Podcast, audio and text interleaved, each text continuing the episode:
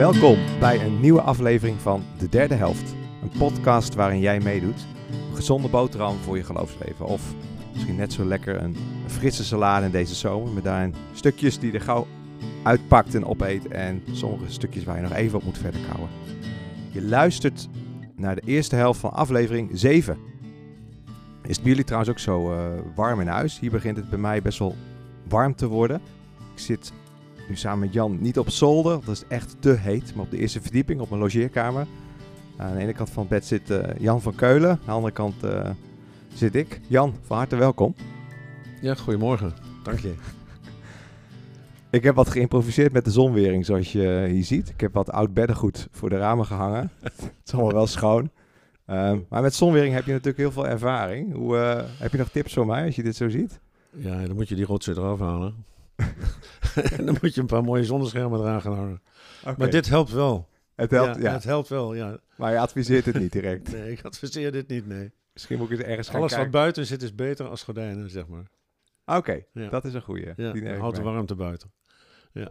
Veel mensen kennen je misschien al wel, of uh, sommigen niet. Uh, zou je jezelf kort kunnen voorstellen? Jawel. Ik ben, uh, ben Jan van Keulen. Ik ben sinds mijn geboorte lid van de CGK Zwolle.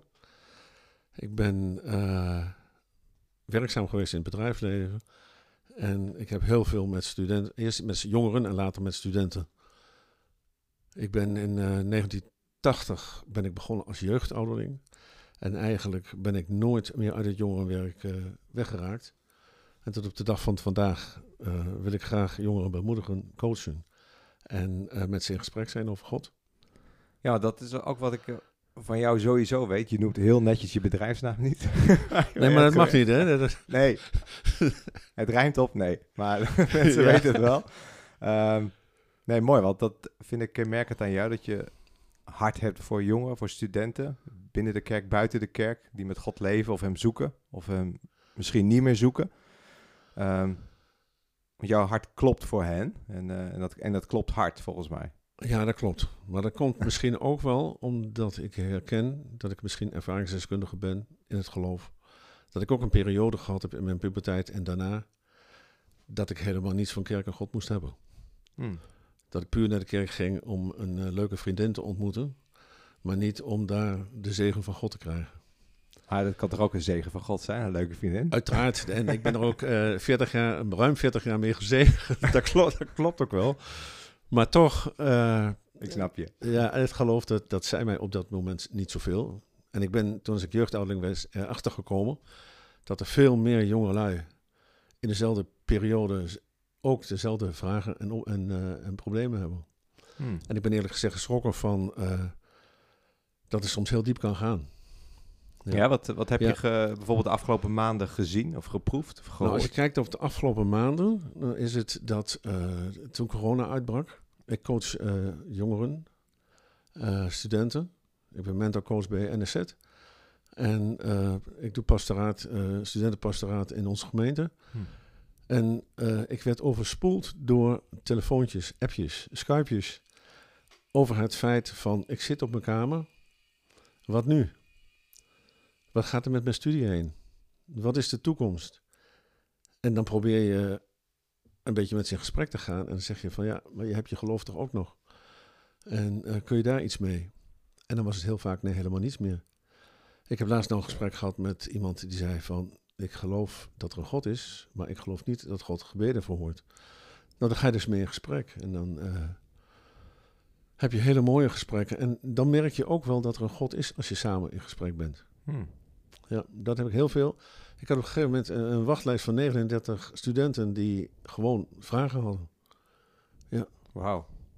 In eerste plaats kostbaar dat je voor ze bent. En ook ja, vragen die volgens mij denk ik die we allemaal wel hebben gehad. Tenminste, ik heb ze ook wel gehad die je net noemde. En soms nog wel. Ja, ja. precies. Dat is niet ja. iets van uh, een, een, fase of zo, of een leeftijd gebonden. Nee, ja. nee. Want ik denk ook aan uh, niet alleen de studenten, ik kijk ook naar de, de mensen die op de, in de verpleeghuizen op hun kamer zaten en geen kant op, op Ja. konden. Ja. Of mensen die uh, hun bedrijf naar de knoppen zagen gaan. Ja, Ja, dan krijg je wel vragen van... dan krijg je wel vragen van wie is waarom? God? Wie is God? Ja, en heeft God hiermee te maken? Ja, Ja. Wat, zou je, wat ga je straks eh, met ons delen daarover? Wat, wat zou je er... eh Ja, eh daarom- klap ik het dan al? nee, helemaal niet. Eh, je hebt me van de week gebeld en je vroeg of ik mee wilde werken. En toen dacht ik, waar ga ik het over hebben? En eh, het is nu warm. Je hebt, het is vakantie. Ja, En eh, een heleboel mensen kunnen niet weg. Zitten na te denken, ook over de afgelopen maanden. Hebben soms de kinderen thuis, zijn dat niet gewend. En ontstaan er fricties. En waar- daar word, je- daar word je moe van. ja. En toen dacht ik van, weet je wat, ik ga het thema gebruiken. Nieuwe energie krijg je van God. En ik heb een, eh, een paar teksten gepakt uit Jezaja. Jezaja 40. Oh, die. Ja, Ja. mooi. Ja, en eh, daar wil ik eh, iets over delen. Mooi, dat gaan we straks horen. Gaan we eens even naar eh, een mooi nummer luisteren. Die ons al een beetje voorbereidt.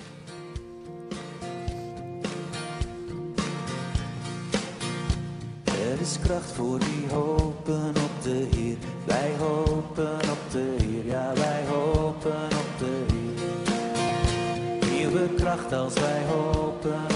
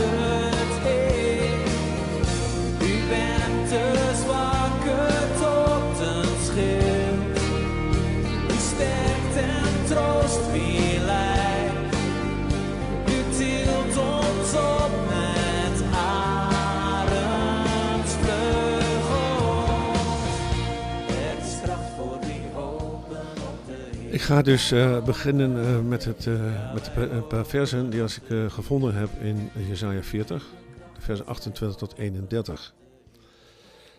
En daar staat, weet je het niet? Heb je het niet gehoord?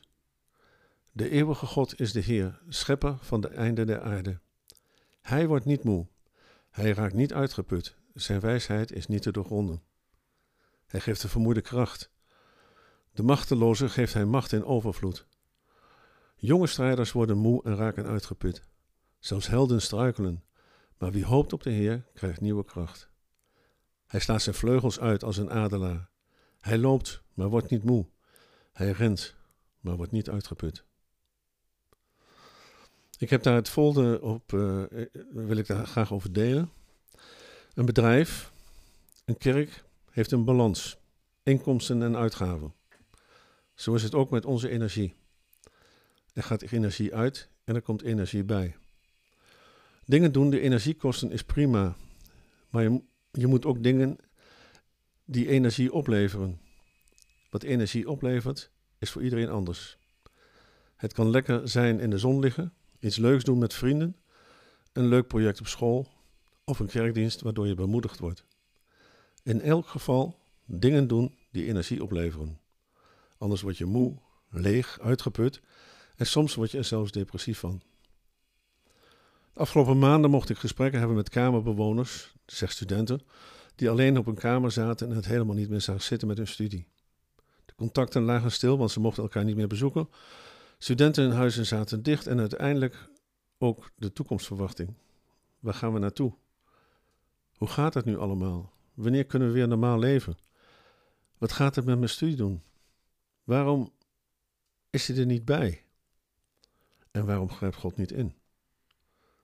Ook zullen de bewoners van verpleeghuizen gedacht hebben, die zonder ontmoetingen van kinderen en kleinkinderen op hun kamer zaten, om moedeloos van te worden. De puf was eruit. Hoe gaat het worden? De energie is op. Vaders en moeders die samen met vier kinderen thuis zaten omdat de kinderen niet naar school hoefden, en tegen misschien wel hun zin in de kinderen les moesten geven, daar word je moe van. Kan frictie geven. En op een gegeven moment kan het zijn dat je totaal moe wordt en dat de energie op is.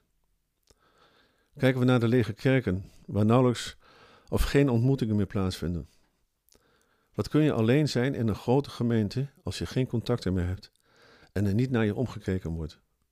De energie in het kerkelijk leven staat op een laag pitje.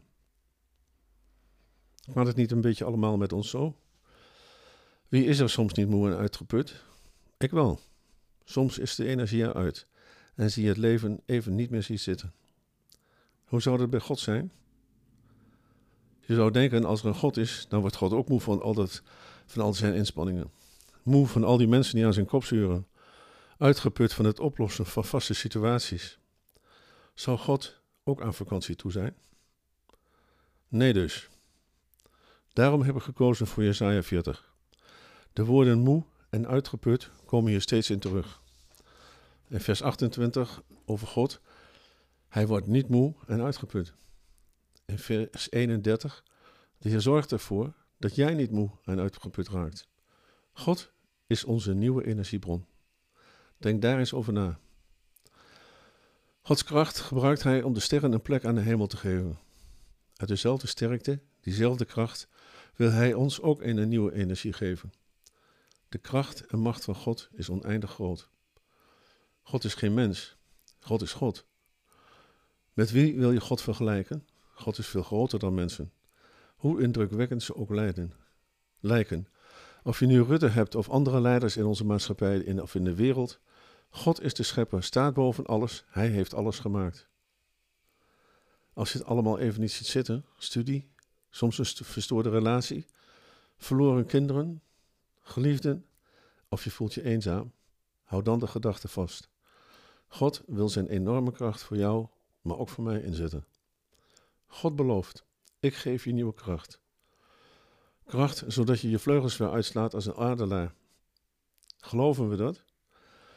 Of zou je wel willen geloven, maar ben je gewoon alles, ben je van alles gewoon kwijt door wat je meegemaakt hebt? Natuurlijk, als je moe bent, moet je vroeg naar bed en ontspanning zoeken. Gezond leven en goed eten. Maar daar is alles niet mee gezegd.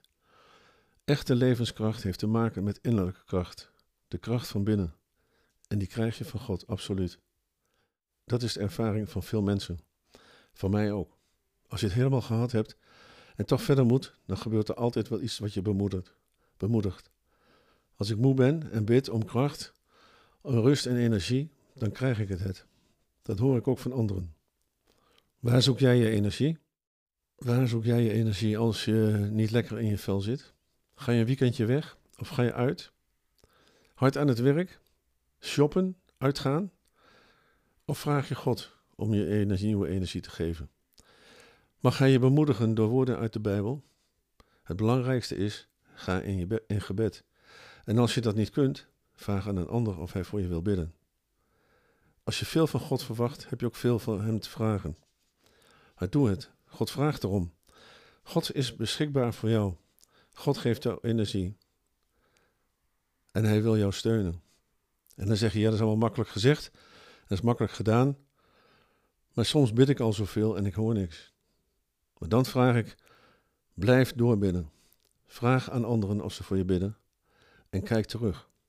Dan zul je zien dat God met je meegaat. Wat doe jij? Als je blijft zitten, gebeurt er niets. Open de Bijbel en ga in gebed.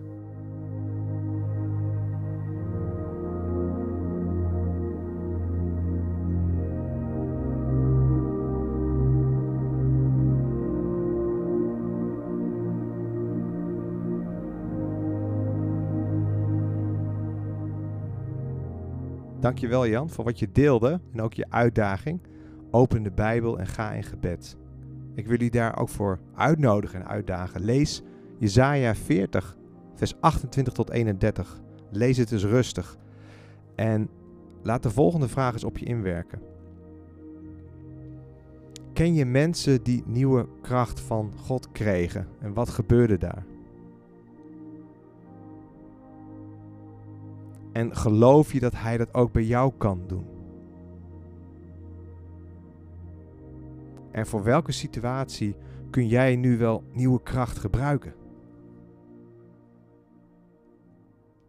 We horen graag wat er bij jou gebeurt als je dit hebt gelezen en hierover uh, in gebed bent gegaan. Wat je opviel of wat je vraag is aan ons.